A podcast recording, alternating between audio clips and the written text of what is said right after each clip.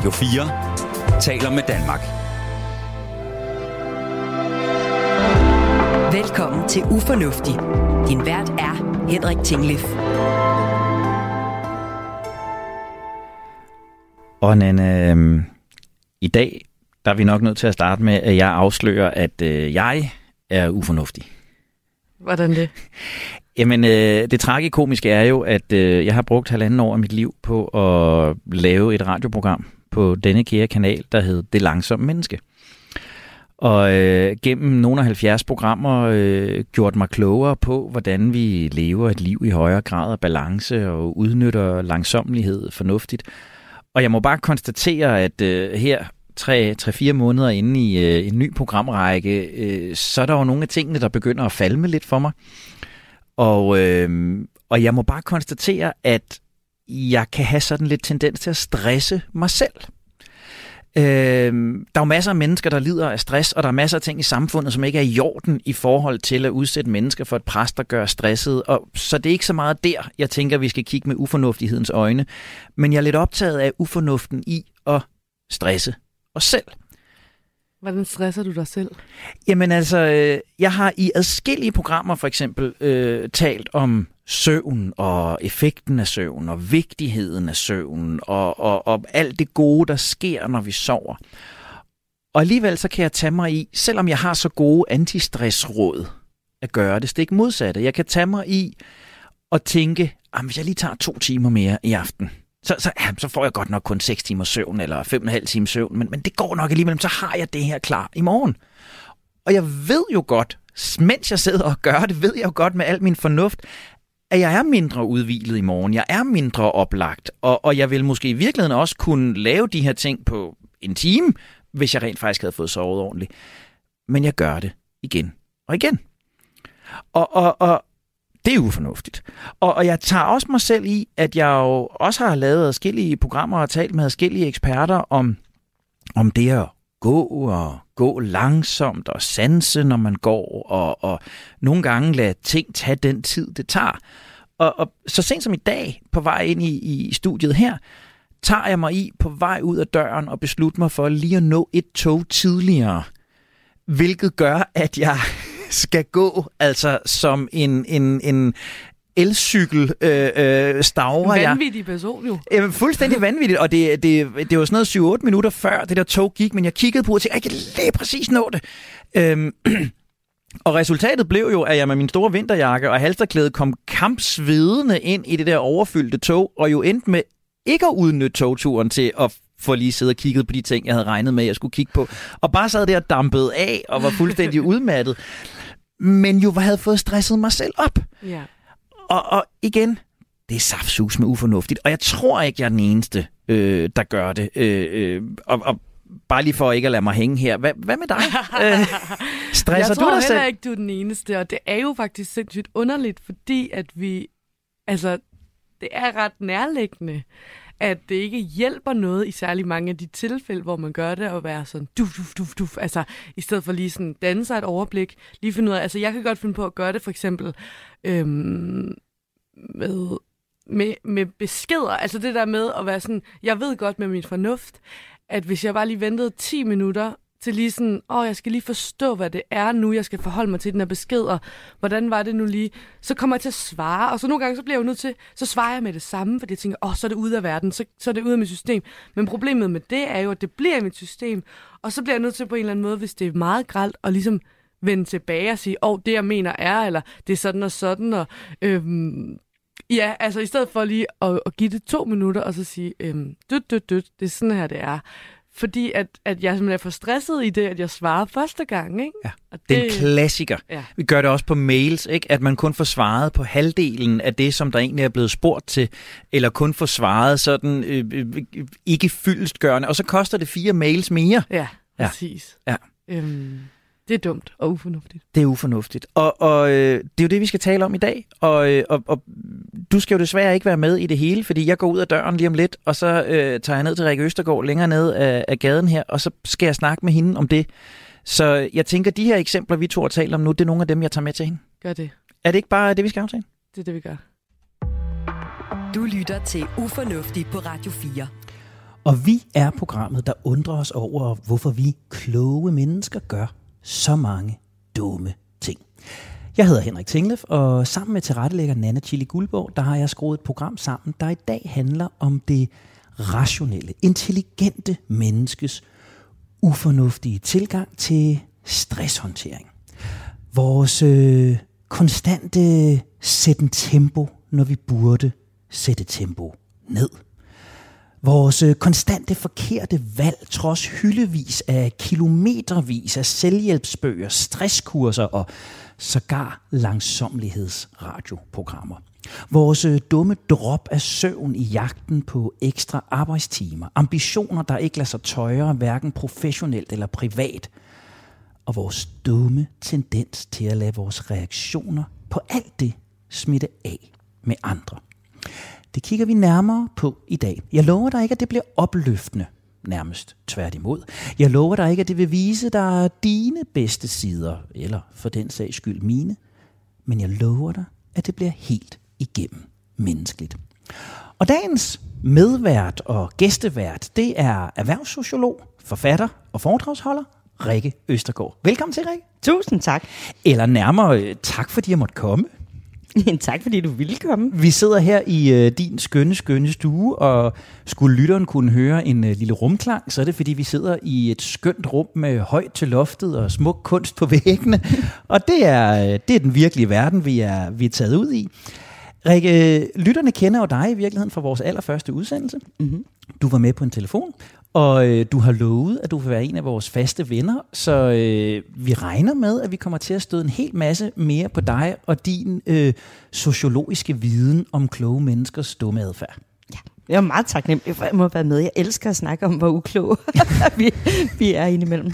Og nu har, nu har du lige hørt Nanne og jeg øh, udlevere os selv her indledningsvis, så jeg tænker, at, at bare sådan lige for at nivellere tingene, så kunne jeg godt tænke mig at starte med at spørge dig, Rikke. Hvordan stresser du dig selv? Hvad er det, du falder i af fælder, når du får øh, stresset dig selv unødigt? Det er virkelig et rigtig godt spørgsmål, fordi nu synes jeg jo, at jeg tænkte, at jeg burde være ved at være lidt pro, fordi jeg har øvet mig i så mange år på at netop at se de der stressfaktorer, og så få elimineret dem.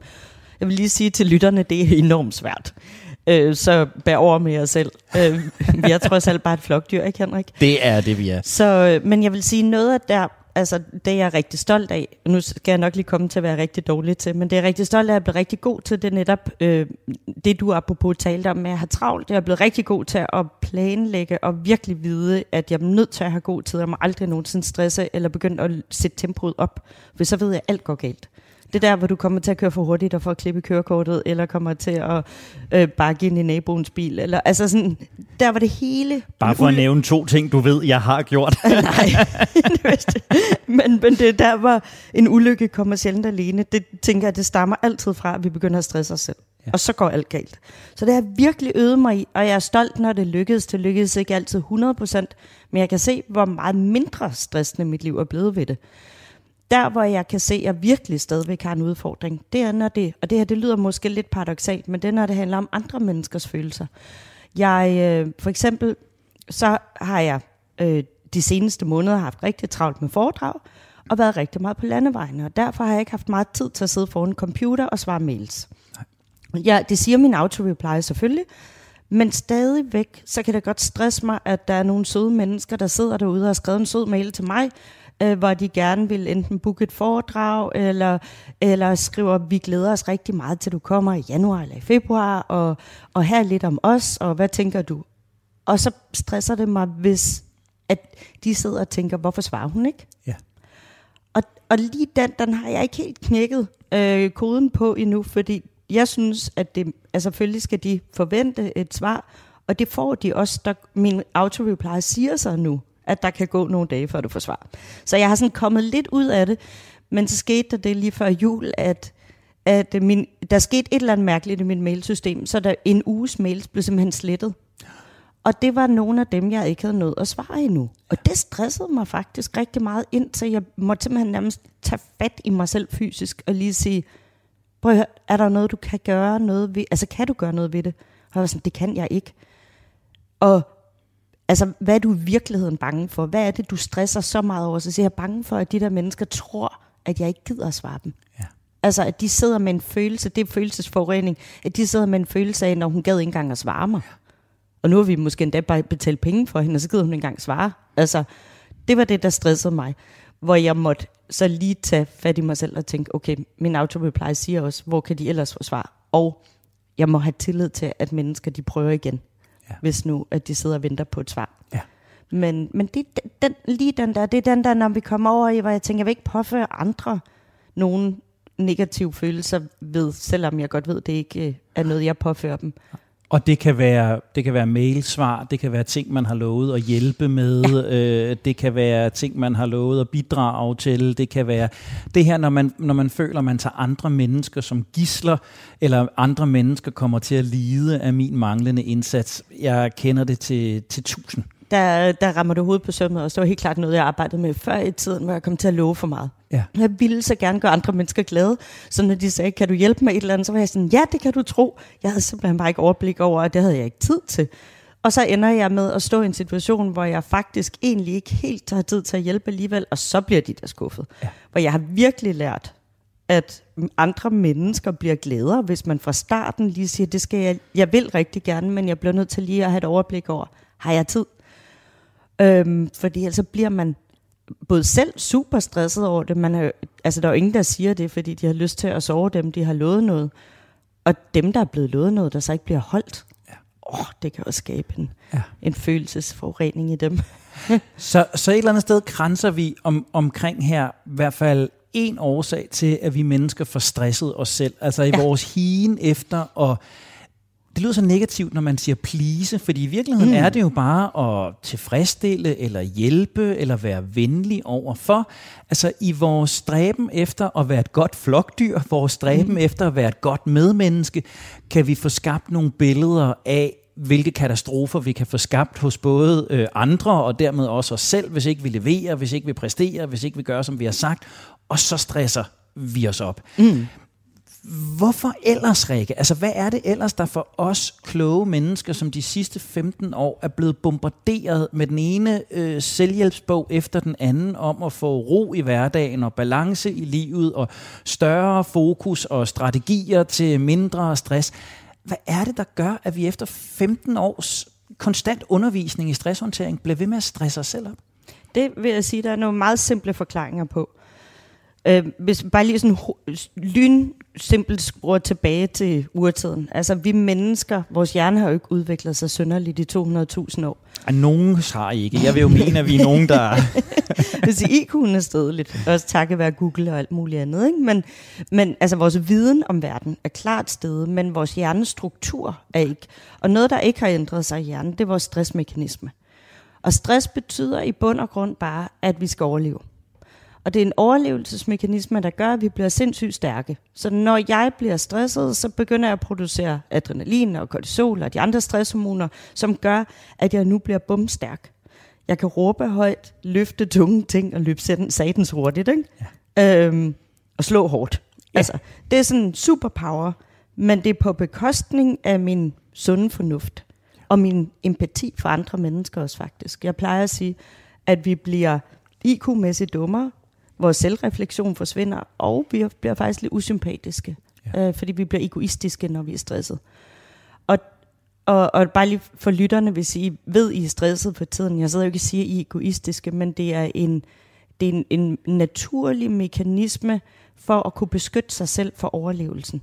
Så man bliver sådan lidt, nu skal jeg overleve, øh, koste hvad det vil. Og den kan vi så drage over til vores samfund i dag, øh, på øh, i urtiden, der skulle vi overleve ved øh, i en meget, meget simple rammer. Altså der kunne vi forholde os kun til vores flok omkring os. Så, og, og der kunne vi ligesom se på andre, er vi okay eller er vi ikke okay. I dag der lever vi i et samfund, hvor der er utallige stressfaktorer. Vi kan ikke blot forholde os til vores egne omkring os, vi kan også forholde os til alt, hvad der foregår ude i verden. Og så er der noget, der faktisk kan være ret stressende, det er teknologien. Mm. Hvor vores hjerne har jo ikke forstået, at vi kan blive bange for en e-mail, som stresser os, enten fordi den er sur, eller fordi der er for mange, eller vi ikke kan nå at svare. Det, det har den jo ikke forstået, så, så jeg fortæller bare min hjerne, at der er far på færre, og den tænker, der er livstruende far på færre. Ja. Og så går jeg i gang med at producere superhormoner, der gør mig bumstærk. Og, men i virkeligheden gør al, alle de mekanismer, jeg skulle bruge til at kunne svare den mail fornuftigt med, de lukker ned. Ja.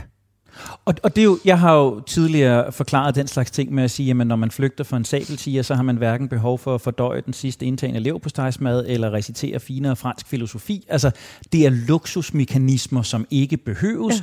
når overlevelsen er, er, er troet. Og en af de ting, som, som, som jeg bare oprigtigt er nysgerrig på i sådan en sammenhæng her, og som jeg tænker mange lyttere også må sidde med at sige, men vi giver jo tit den her forklaring, der siger, at det er vores urhjerne, det er den østafrikanske savanne, det er alle de der billeder, vi kan give på det. Men når jeg i går øh, irriteres over, at øh, dem over i nummer 15, det er selvfølgelig ikke min egen opgang i nummer 17, det er tosserne over i nummer 15, nu igen har fucket op nede i øh, skralderummet og ikke fået sorteret affaldet ordentligt, så øh, restaffald er overfyldt, mens alle de andre containere er fuldstændig underfyldte, så reagerer jeg jo ikke som en hulemand. Altså, jeg, jeg brager jo ikke ind i opgang 15, flår den første dør op og svinger en kølle i hovedet i beboeren i, på, på første til venstre. Øh, møder jeg en øh, dernede, så snakker vi lidt om, at burde vi ikke sætte et skilt op, og burde vi ikke være bedre. Altså, jeg tænker, der er jo masser af konflikter eller arousal-situationer, som vi håndterer bedre i dag, end vi gjorde for 200.000 år siden. Ja. Øh, da jeg på vej her, her, herned til dig bliver overhalet indenom af en cyklist på fortoget, så flår jeg ham jo heller ikke af og, og tæsker ham med min taske, som jeg måske havde gjort på den østafrikanske savanne. Så, så, så hvorfor er det lige her, Rikke, at vi er så primitive, og ikke at, på at, nogle af de andre områder? Der tænker vi lige skal huske, altså det er jo ikke kun den der med at blive fysisk stærk, altså det, er jo også, det kan også være, at den bliver brugt til frys eller flugt. Ikke?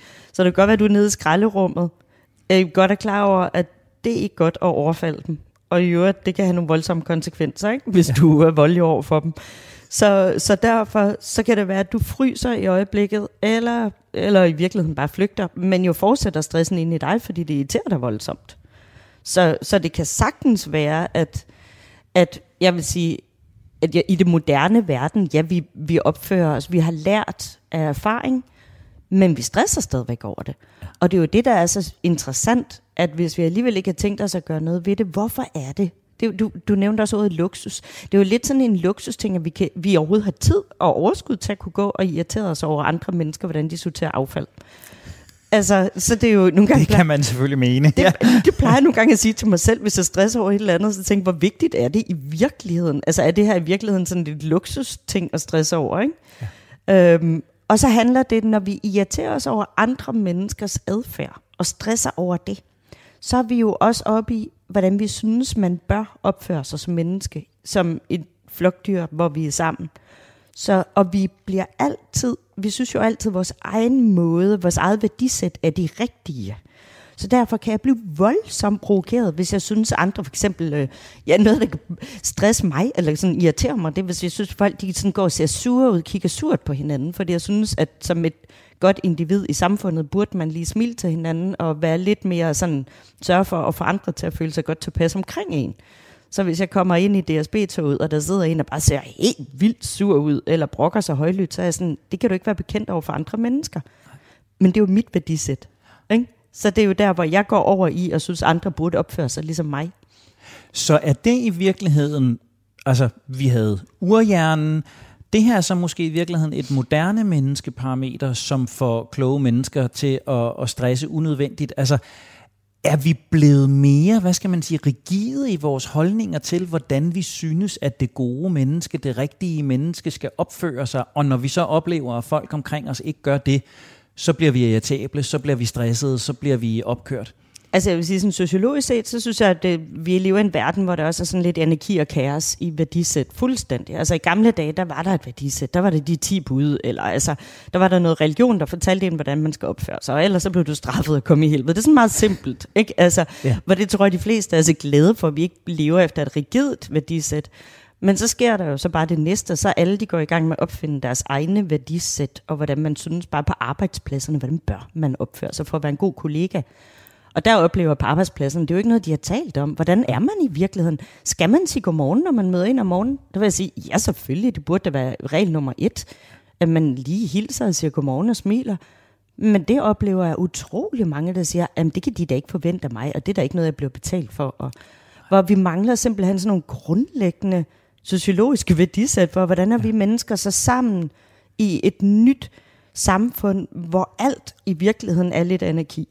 Og, og hvor der er mange, mange flere mennesker, der skal forholde sig til hinanden. Det var nok nu, om noget tidspunkt, vi havde mere brug for nogle lidt, re- altså ja. de der egentlig gamle religiøse regelsæt for god opførsel. Ja. Og, og, og det er sjovt, når du siger det, fordi at, at når jeg sådan tænker tilbage på der, hvor jeg har stresset mest de seneste uger, hvis man lige sådan tager almen julestress og nytårsstress og sådan noget væk, jamen så er det jo netop, når jeg har gået og været irriteret over et svar, jeg ikke har fået, en melding, jeg ikke har fået, et eller andet, der hænger og venter, hvor, hvor nogle andre mennesker er involveret, fordi jeg har en forventning om, mm. at det har de bare at gøre. Og når jeg så sætter mig om aftenen, så det er det jo sjældent, det, det, har, det er det faktisk sjældent, for det synes jeg, jeg har fået rodet ud i. Det er sjældent der, hvor jeg selv bliver grebet af et eller andet, og sidder og skriver på et nyt kapitel til den næste bog, eller forbedrer en foredragstekst, eller hvad det nu er. Det er jo netop sådan en trods på, nå, nu kom det der fra Kim, eller Peter, eller Jørgen endelig, og så skal det være færdigt til i morgen, og så sidder jeg der og knokler øh, de der timer, og det er jo ved Gud dumt. Ja, og du, øh, men jeg har sådan en yndlingscitat af Pete Hein, hvor han siger, kender du følelsen af at træde på en snegl? Ingen har fejlen, og alligevel er man nu en smule vred på sneglen.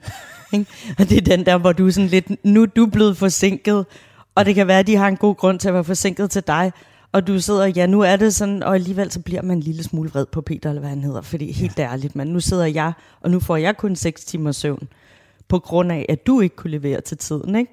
Og det er ikke, ingen har helt fejlen, men man er alligevel lidt sur på sneglen. Ikke? Ja. ja. Nu i hans citat, der er det så sneglen, der er død. Ikke? det, er jo, det, er jo så, det er jo så lige det. Altså.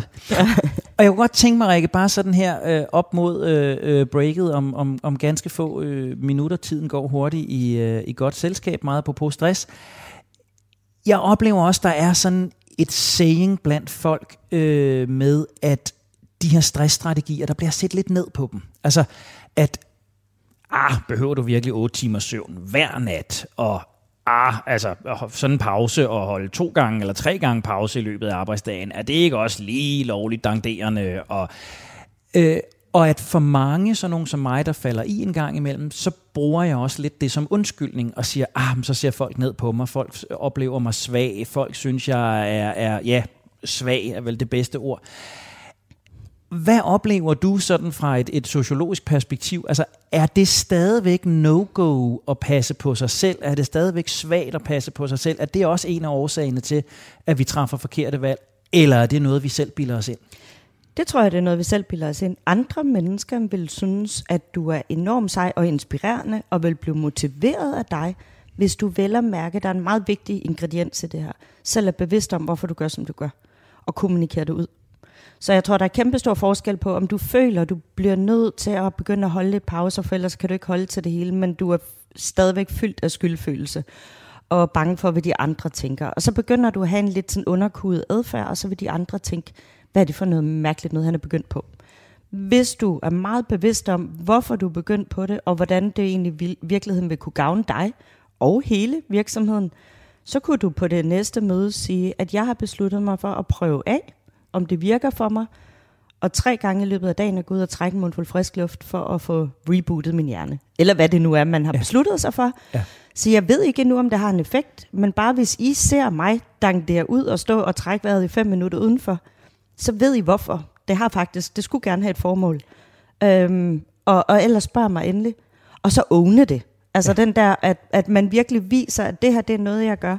Så tror jeg, andre de vil blive enormt inspireret, specielt hvis de kan se, at du får noget af dine ting, øh, eller, eller ikke stresser så meget, som de gør. Jeg arbejder meget med det på hospitaler, hvor jeg siger, den der med, prøv at få brudt den der, åh oh, nej, vi har så travlt, og så begynder de at løbe hurtigt rundt på gangene. Så, siger, så bliver patienterne, de bliver dobbelt så besværlige, for I sender signaler ud om, at I ikke har styr på tingene. Hvis I ved, I har super travlt, så tag en dyb indånding og kig hinanden i øjnene og sige, vi skal nok klare den i dag. Vi har hinandens ryg, ja. men nu går vi langsomt. Altså ikke irriterende langsomt, men nu tager vi den med ro, og så skal vi nok klare det hele. Men det der, hvor man bevidst beviser, at man har styr på tingene. Så essensen er, hvis vi skal frigøre os af de der samfundets forventninger, vi skal åne den, vi skal gøre det proaktivt, vi skal gøre det præventivt, det skal ikke være som offer, det skal være, fordi vi rent faktisk gerne vil passe på os selv. Ja, det er jeg glad for, at du siger. Det skal ikke være som offer. Radio 4 taler med Danmark. Velkommen til Ufornuftig. Din vært er Henrik Tinglev. Hvorfor kan vi rationelle, intelligente mennesker stresse os selv op og gøre det stik modsatte af det, som alle de gode antistressråd egentlig fortæller os? Og hvorfor lader vi det på ufornuftig vis smitte af på hinanden? Det er det, vi forsøger at besvare i dag. Vi gør det sammen med medvært, erhvervssociolog, forfatter og foredragsholder Rikke Østergaard. Hej Rikke. Hej, tak for at jeg må være med. Jamen det er simpelthen så dejligt, og tak fordi jeg må sidde her øh, midt i din stue og, øh, og snakke øh, ufornuftig stress. Og nu er det jo så stress, der er temaet i dag, men kære lytter, hvis der er noget, øh, du undrer dig over, vi kloge mennesker gør af dumme, dumme ting, så husk, at du altid kan skrive direkte til redaktionen på ufornuftig radio4.dk. Og Rikke, nu er det et lidt anderledes program i dag, fordi øh, Nana er øh, blevet hjemme på øh, redaktionen, og jeg er på besøg her hos dig. Men Nana plejer at lave god faktatjek øh, for os. Så øh, jeg har taget et klip med her, som Nana og jeg talte om her, inden jeg gik ned til dig. Så øh, jeg synes bare, vi skal læne os tilbage og, øh, og lytte til Nanas input. Radio 4 taler med Danmark. Og Nana, du er altid god til at have lavet lidt øh, fakta research, og jeg tænker, øh, når jeg taler med, med Rikke, skal jeg også have lidt, øh, lidt hardcore data med. Så øh, hvad, har du, hvad har du fundet frem til os? Jamen noget af det, altså, det, jeg synes, det er ret interessant det her med, at stress er, Øh er noget, vi tænker, og altså, vi tænker om ting, altså vi har vi er ret hurtigt til at sige, det der, det er stressende, eller det her, det er stress, eller, øhm, og altså, det er sådan abstrakt samtidig med, det er ret konkret, ikke? Altså, og der, tænk, der, der synes sådan er det jo også, når man så kigger på tal, ikke? Hvad, hvordan definerer man stress? Hvad er stress for dig? Hvad er stress for mig? Men man kan sige, uanset hvordan man definerer det, så er der øhm, noget, der tyder på, at det i hvert fald er noget, der er i stigning. Altså, mm. der er flere og flere, der oplever det, de så vælger at definere som stress. Øhm, nogle tal fra Sundhedsstyrelsen viser ligesom, at andelen af voksne danskere med en høj score på stressskalaen er steget fra 21 procent i 2013. Den blev så 25 procent i 2017, og i 2021 var den 29 procent. Så altså fra 2013 til 2021, der er den steget med 8 procent. Øhm, det er mest kvinder. Det er i højere grad kvinder, der, der scorer højt på, på stressskalaen. Øhm, I 2021 var det 34 procent af kvinderne, der havde et højt stressniveau, mens det galt for 25 procent af mændene. Og så er det også meget udbredt blandt unge. Øhm, gruppen af 16-24-årige øhm, har allerflest med, med en høj score på den her stressskala, som Sundhedsstyrelsen altså bruger. Øh, her er det 31 procent blandt mændene eller drengene, og 52 blandt pigerne, skråstrej kvinderne. Ikke? Øhm, det synes jeg er ret vildt til. Altså. Og så er der nogle noget andet, det er, at øhm, Sundhedsstyrelsen også skriver her, at det er, har en social slagside med stress. Ikke? Okay. For det kan godt være, at vi forbinder måske det her med at være stresset med ofte måske vores arbejde, men mens det er 23 procent, som er i beskæftigelse, der har et højt stressniveau, så gælder det 47 procent blandt dem, der er arbejdsløse. Og 55 procent blandt førtidspensionister. Men det er jo nok nogle andre stressfaktorer, der spiller ind. Og det er jo også, altså, det er jo bare det her med, at det igen, det er i sådan alle mulige former og farver, og kommer ja. i alle mulige sammenhænge, som, øhm, ja, som er forskellige fra dig til mig. Ja. Og så står jeg jo og tænker, når du beskriver de her tal, så tænker jeg jo, at jeg bliver super nysgerrig på, hvor meget af det her er noget, der sker i vores eget hoved. Ja. Hvor meget af det her noget, hvor vi stresser os selv og hinanden op, og hvor meget er det forårsaget af det samfund, vi har skabt, og de rammer, vi, vi lever under. Det kunne være super interessant at, at høre Rikkes bud på. Det gad jeg også godt at høre. Og så tænker jeg jo også, at, at når du beskriver de her forskelle, hvor, hvor, og du er lidt inde på det med det her med, med den sociale slagside, ikke? og sige, jamen, ja, min umiddelbare vurdering vil ikke være, at, at folk uden arbejde for eksempel stressede sig selv op. Det vil jeg tro var enormt systembaseret. Øh, men, men, men kan vi blive klogere på det? Og på samme måde, øh, altså når kvinder er så meget mere stressede end mænd, og med risiko for at sige noget politisk ukorrekt her, jamen er det, er det fordi kvinder stresser sig selv mere op? End, Eller er det fordi, der er nogle andre forventninger til kvinder i samfundet? Lige præcis. Det synes jeg er et super relevant spørgsmål. Mm. Eller man kunne også vende den helt på hovedet og sige, jamen er kvinderne måske i virkeligheden dem, der er reelt stresset, udsat for pres, og den smule, der så er hos mændene, er måske selskabt en idé om, hvordan jeg skaber øh, det liv, jeg gerne vil have. Vi ved det ikke, men jeg synes i hvert fald, at det er noget af det, vi skal tage med til Rikke og sige, at de tal, du nævner her, ved vi noget om, hvor meget af det er rammer, og hvor meget er selskabt, og ved vi noget om, hvem der har tendens til måske at skabe mere selv. Mm. Det er rigtig interessant. Den, øh, den tager vi med. Radio 4 taler med Danmark. Du har jo sådan set fået spørgsmålene, Rikke. Altså, vi kan jo bare starte fra, fra en ende af. Der er jo ingen tvivl om, at vi kan finde masser af stressstatistikker, der fortæller os, at en ret stor del af befolkningen er stresset. Vi kan også finde stressstatistikker, der fortæller os, at det er stigende. Og vi har især set statistikker de sidste år, der har vist os, at det er stigende blandt unge. Ja. Det store spørgsmål er jo bare, hvor meget af det her er samfundsstrukturer, hvor meget er det fremdriftsreformer, bonus for at øh, have flere højniveaufag, øh, øh, bonusordninger på arbejdsmarkedet, antal ansøgninger, der skal sendes øh, via jobcentret. Hvor meget af det her er samfund, og hvor meget af det her er sådan nogle ting, som det vi talte om tidligere, som vi simpelthen får skabt i vores eget hoved? Jeg kunne bruge flere timer på at forklare det. Nu skal jeg prøve at gøre det ekstremt kort. Jeg vil sige, i min verden er det 100% samfundsskabt. Så derfor kan jeg lige sige til alle lytterne, at sidder du og har det lidt dårligt med dig selv, og du føler, at du stresser lidt for meget over ligegyldige ting, og godt ved, at det er dig, der måske er noget galt med. Der er ikke noget galt med dig. Der er noget galt med vores samfundsmodel. Det er et ekstremt usundt øh, samfund, vi lever i i forhold til stress. Vi stresser simpelthen over alt muligt ligegyldigt, men det er på et langt højere plan. Hvorfor falder alle enkelte individer i? Hvorfor er der så mange, der falder i i det her usunde strukturskabte samfund? Det gør de, fordi vi er blevet bildt ind nu i århundreder, at vi er vores egen lykkesmed. Ja. Uh, det, er, jeg, simpelthen, og jeg vil, jeg vil elske at udgive en bog, der hedder Du er ikke din egen lykkesmed, vi er hinandens lykkesmed. Altså, vi kan ikke, der er intet menneske, der er ikke noget mere stressende. Nu nævner Nana de unge. Der er ikke noget mere stressende for et ungt menneske, end at få at vide, at du kan, du kan bare smide, som du vil. Du kan skabe dit eget liv. Klar, hvor stressende det er, hvis man så ikke føler, at man er 100% på alle parametre. Fordi det er jo kun dit eget ansvar, så man har smidt ansvaret over til det enkelte individ. Så alle, hvorfor er man mere øh, stresset som jobsøgende end som i arbejde? Det er da fordi, du ikke føler, at du er god nok, fordi at du er jo din egen lykkesmed. Og nu føler jeg ikke, at jeg har smidt godt nok for mig selv, og så føler jeg mig som en fiasko. Så er det følelsen af, at du vil gerne anerkende sig at være en del af din flok, en del af samfundet. Og det bliver du ikke, øh, fordi at det er nu dig selv, der skal vurdere, om gør jeg det godt nok. Og, og vores sammenligningsidealer. Jeg sagde det engang til min mormor, jeg synes, hun forklarede det ekstremt godt. Øhm, jeg sagde til hende, blev du ikke stresset, mormor? Hun var landmandskone i Vestjylland. Så sad hun lige og tænkte lidt, så sagde hun, nej, det, nej, det synes jeg simpelthen ikke, jeg gjorde, sagde hun. Det var bare som det var. Ikke? Ja. Hun havde fem børn og en hel bondegård. Men så sagde hun til mig, men jeg kan godt forstå, I bliver stresset i dag, I unge mennesker, sagde hun.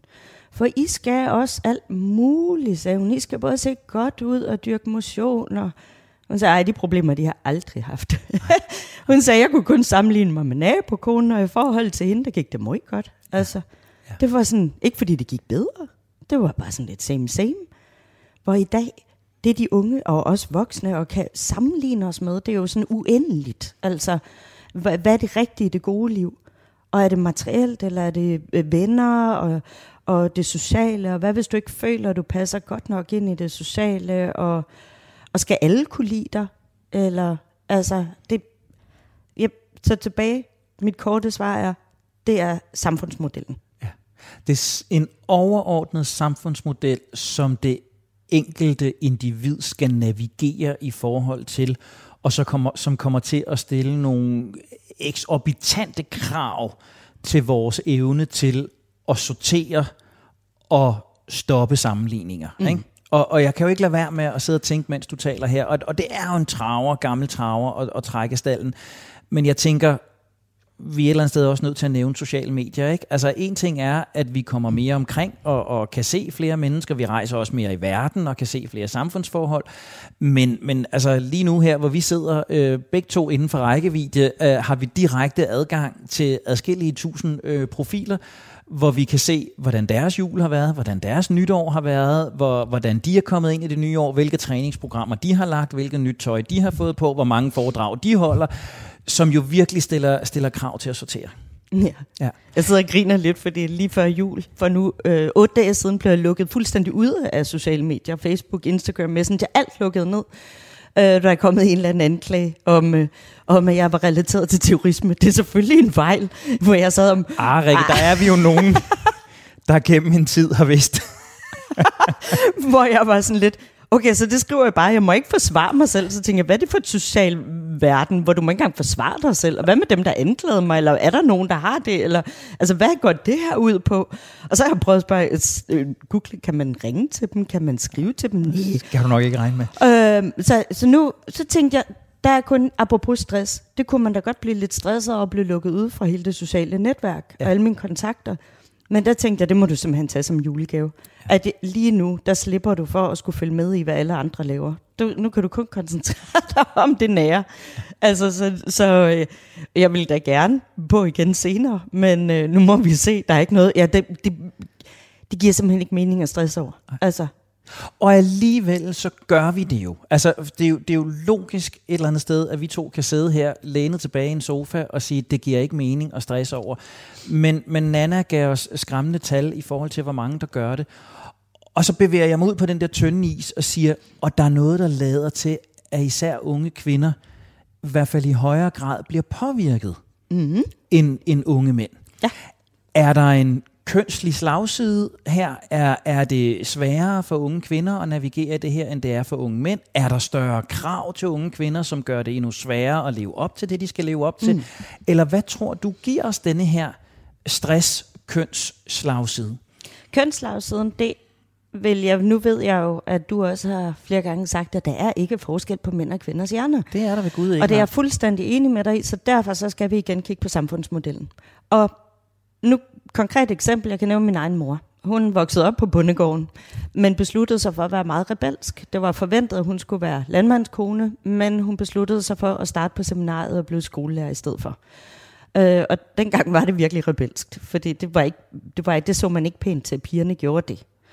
Så når jeg skal forklare mine børn i dag, at mormor var rebel og tog en uddannelse, det synes de var meget morsomt. De kan ikke se mormor som rebel.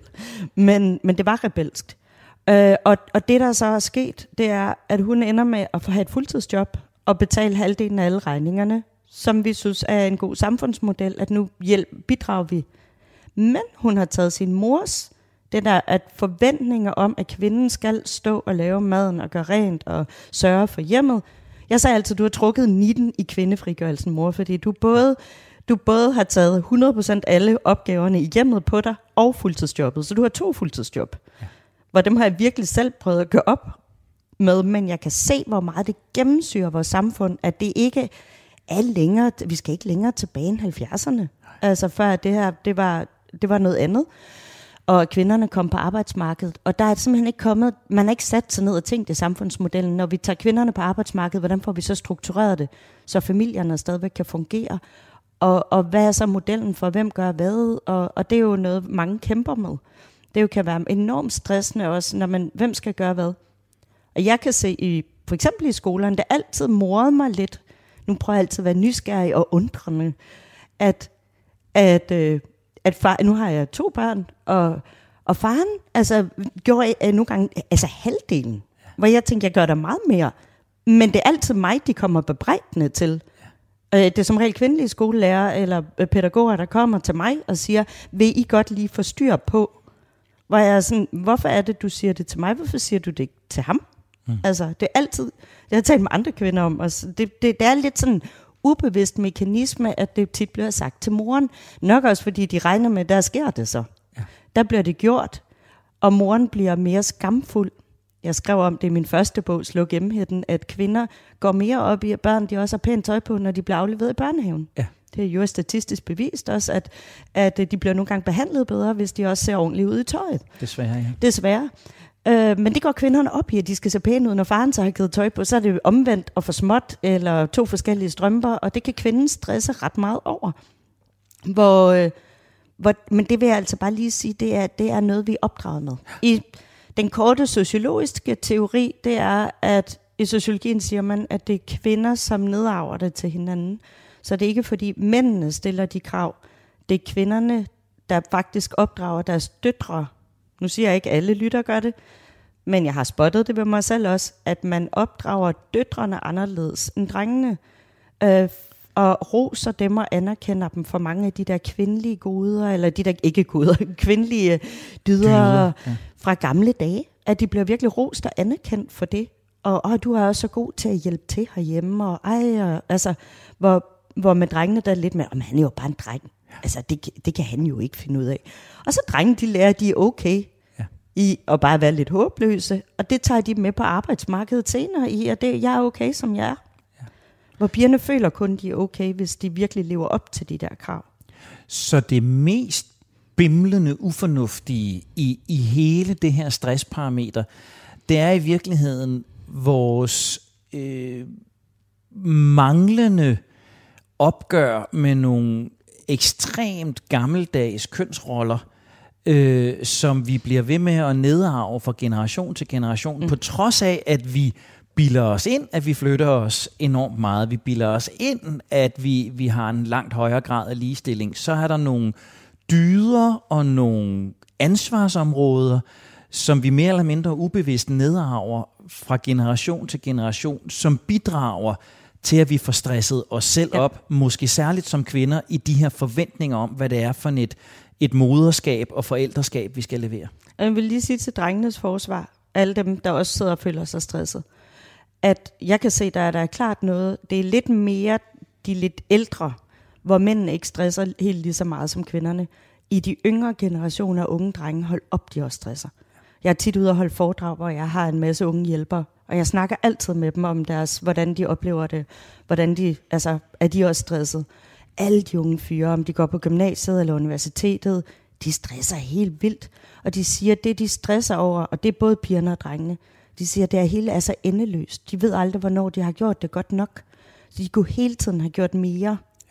Ja. Øh, så derfor så vil jeg sige, det positive er, at ligestilling er på vej også inden for stress.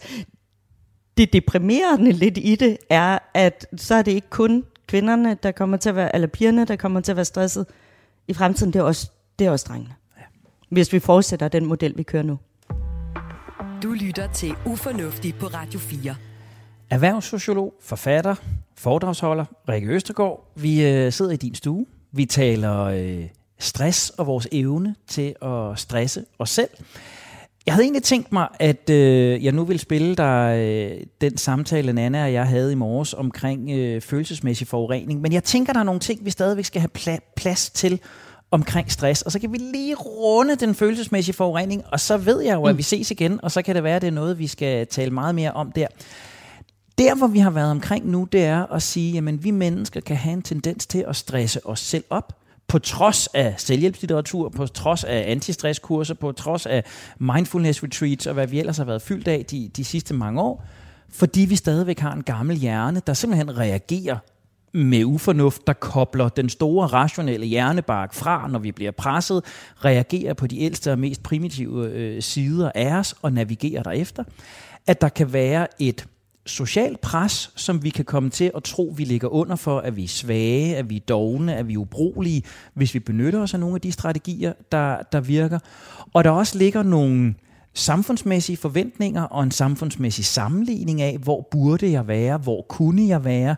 Jeg er min egen lykkes smed, så derfor burde jeg jo kunne hvad som helst. Og det måske endda har en kønslig slagside, fordi der nedarves nogle dyder fra generation til generation mm. blandt kvinder af, hvad den gode kvinde, den gode mor, den gode ægtefælle er. Rikke, hvis vi skal snige en smule fornuft ind i, i det her, hvis nu vi skulle ende på en lidt mere happy note, øh, hvad er så vejene til, at vi mennesker bliver lidt bedre til ikke at stresse os selv så meget op, og i virkeligheden bliver lidt bedre til at følge nogle af de ting, som vi ved virker. Holde vores pauser, gå langsomt, få vores søvn, alt det der. Hvor ligger løsningen? Jeg vil sige, man kan jo ikke, man kan jo ikke, altså løsningen, hvis man sætter alt for mange regler op for sig selv, så bliver man også bare stresset over dem. Lige Nu skal jeg også gå langsomt, og nu skal jeg også, jeg vil sige, det bedste bud, det er at øve sig i at begynde at kigge lidt på galskaben. Prøv at være nysgerrig samfundsobservatør. Bare blive sådan lidt uh, lommesociolog, og prøv at kigge på, hvor vanvittigt det egentlig er, at vi render rundt og stresser sådan. Som sådan nogle hunde, der løber efter deres egen hale, eller du ved, hamstrene, åh, og så grine lidt af det, og tænke, nå, det, vi er da også nuttet, altså vi gør det, ikke? Men, men, men der er ingen grund til det. Og så begynde at, altså simpelthen prøve at ryste af sig, og så tænke, det er vanvid. Jeg, jeg siger til mig selv, prøv at høre, du har det her ene liv. Ja. Vil du leve dit liv med at rende rundt og være stresset over, at jeg ikke har noget at svare nogle mails, eller, eller vil du, hvad, hvad er dit værdisæt, hvad er det, jeg gerne vil have, mit liv indeholder? Og så er det lige pludselig ikke så vigtigt, det der stress mere. Der er det lynhurtigt, at tænke, det er da mine børn. Har de det godt? Er vi nærværende? Har vi hygget os sammen? Øh, hvad, øh, hvordan har jeg det egentlig for jer? Altså, nyder jeg mit liv lige nu? Ikke? Så den der med at nogle gange at lige have sådan en... øh, I virkeligheden har jeg lært det op i Himalaya-bjergene og buddhistiske munke, jeg har besøgt, hvor de har moret sig sådan, når de synes, det var så sjovt, vi stressede sådan. Og så når jeg tænker på dem, der sidder og griner sådan, nej, hvor sjovt, altså, hvor- det- hvorfor bliver det, altså, de, de forstår det ikke helt. Fordi det, de siger, det er jo fordi, vi jagter egoet, ikke? At vi hele tiden skal være sådan, åh, jeg er god nok, jeg er god nok. Hvor de siger, Men for dem er løsningen, og du ved godt, det lyder lidt vanvittigt, men det handler ikke om at sige til sig selv, jeg er god nok. Det handler om at sige til sig selv, du er i virkeligheden ikke særlig vigtig. Altså, jeg er kun vigtig i en større sammenhæng. Og det er faktisk enormt afstressende, når jeg lige pludselig tænker, det er de da fuldstændig ret i, jeg er ikke særlig vigtig. For dig og mig, vi er jo blevet bildt ind hele vores liv, Henrik. Ikke? At, åh, vi er så vigtige, og du er unik, og du, åh, vi er jo alle sammen et eller andet særligt. Vel er vi ej. Vi er bare ganske almindelige flokdyr. Altså, og jeg er da ikke særlig vigtig andet end, jo, jeg er da rigtig vigtig over for de mennesker, jeg er i berøring med. Og jeg kan da også prøve at gøre nogle ting, der gør en forskel. Men det tager toppen af alt stress, når jeg minder mig om, at så vigtig er jeg slet ikke. Styr det ego. Altså det, det er, der er også nogen, der siger til mig, ej, du er da så succesfuld lige for tiden. Eller de siger ikke for tiden, de siger, ej, det går så godt for dig. Så siger jeg, ja, lige nu, det kan da også ændre sig. Ja, altså så vigtig er jeg ikke. Det, folk kan sagtens undvære mig om et halvt år. Altså, altså den der med ikke at lade det stikke af for sig. Jeg synes, vi lever i sådan et narcissistisk samfund, hvor alle render rundt og bilder sig selv ind, at, åh, og, og så ender vi med at bare blive en flok narcissister, der kun tænker på os selv. Ja. Vi bliver i virkeligheden bedre mennesker og tænker mere på hinanden. Og vi er bedre mennesker, når vi ikke er så stresset. Fordi det er der, hvor vores limbiske system, vores empatiske center er i stand til at, at, at se andres følelser og, og også kunne tage os af hinanden og have empati. Og det giver jo enormt god mening. Det jeg sidder og tænker, det er, hvis jeg, hvis jeg bliver endnu bedre til at tænke, jeg er ikke særlig vigtig, og det skal nok gå alt sammen, og hvor er det egentlig fjollet det her? Så imens jeg tænker det, så kan jeg lige nu på stående fod komme i tanke om adskillige navngivende personer, som i mellemtiden vil have rykket mig tre gange i min indbakke, fire gange på min sms og øh, otte ubesvarede opkald, fordi jeg nu gik og tænkte, nå ja, men om jeg lige får svaret på den mail i dag eller i morgen, øh, det går jo nok, eller åh, om jeg aflyser det der arrangement, eller hvad det nu er. Altså, jeg interagerer jo med andre mennesker, no man is an island, og vi har brugt flokdyrsbegrebet øh, flere gange. Så hvordan rummer jeg så den der skuffelse, vrede, eller bare de presbolde, som, som bliver ved med at ramme mig, mens jeg øver mig i det her? Det er et virkelig godt spørgsmål. Øh, fordi, og, og det er jo lige præcis der, hvor det skal jo ikke blive ligegyldighed. Altså, at, at du siger, så vigtig er jeg heller ikke, at lige styre egoet, betyder ikke, at man er ligeglad med andre. Alt kommer ned til at træffe bevidste beslutninger om, hvordan vil jeg gerne leve mit liv. Og helt ned til små detaljer om, hvordan starter jeg morgenen? Hvordan kommer jeg ind ad døren på arbejdet, eller hvordan, hvornår står jeg ud af sengen måske? Og ja, velvidende, at det kommer ikke altid til at, at fungere helt, som man godt kunne tænke sig.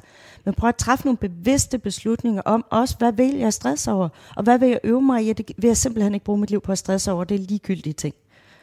Det, det er jo det, der er det mest ufornuftige her, det er, at vi stresser over så meget ligegyldigt ja. i vores samfund. Ja. Øh, som vi alligevel ikke kan gøre noget ved. Jeg siger ikke, det ikke er vigtigt. Jeg siger bare, du kan ikke gøre noget ved det.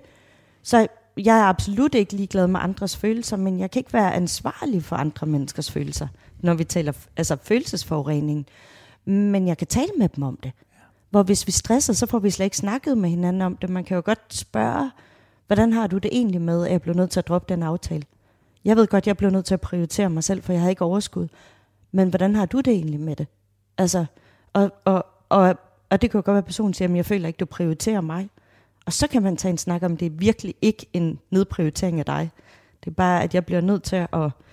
Jeg havde engang en, bare lige for at nævne det, jeg havde en stresscoaching, ja, hvor hun sagde, at det bedste, der kunne ske i weekenden, det var, hvis hendes børn blev syge. Ja. Og så kunne hun melde afbud til alt det, hun havde, havde kommet til at committe sig til. Og ja. der skal vi ikke hen. Eller man fik en coronatest, som man var nødt til at blive hjemme. Erhvervssociolog, forfatter, foredragsholder Rikke Østergaard. Vi kommer til at tale sammen igen. Vi kommer til at tale meget mere følelsesforurening. Men for i dag, tusind, tusind tak for dit bidrag. Tak for, at jeg måtte være med. Det bliver øh, ordene herfra i dag. Mennesker er fantastiske og forunderlige. Mennesker er foruroligende og farefulde. Og dagens emne, det har altså bare vist en lille fli af ufornuftens væsen. Husk, at du kan genlytte hele programmet i Radio 4-appen, der hvor du også finder alle Radio 4's andre gode programmer. Tak for din tid. Tak for din opmærksomhed. Blev vi sammen klogere? Måske. Vil vi alligevel dumme os igen? Absolut. Og derfor, der gør vi det hele igen i næste uge. Det skal nok blive ufornuftigt.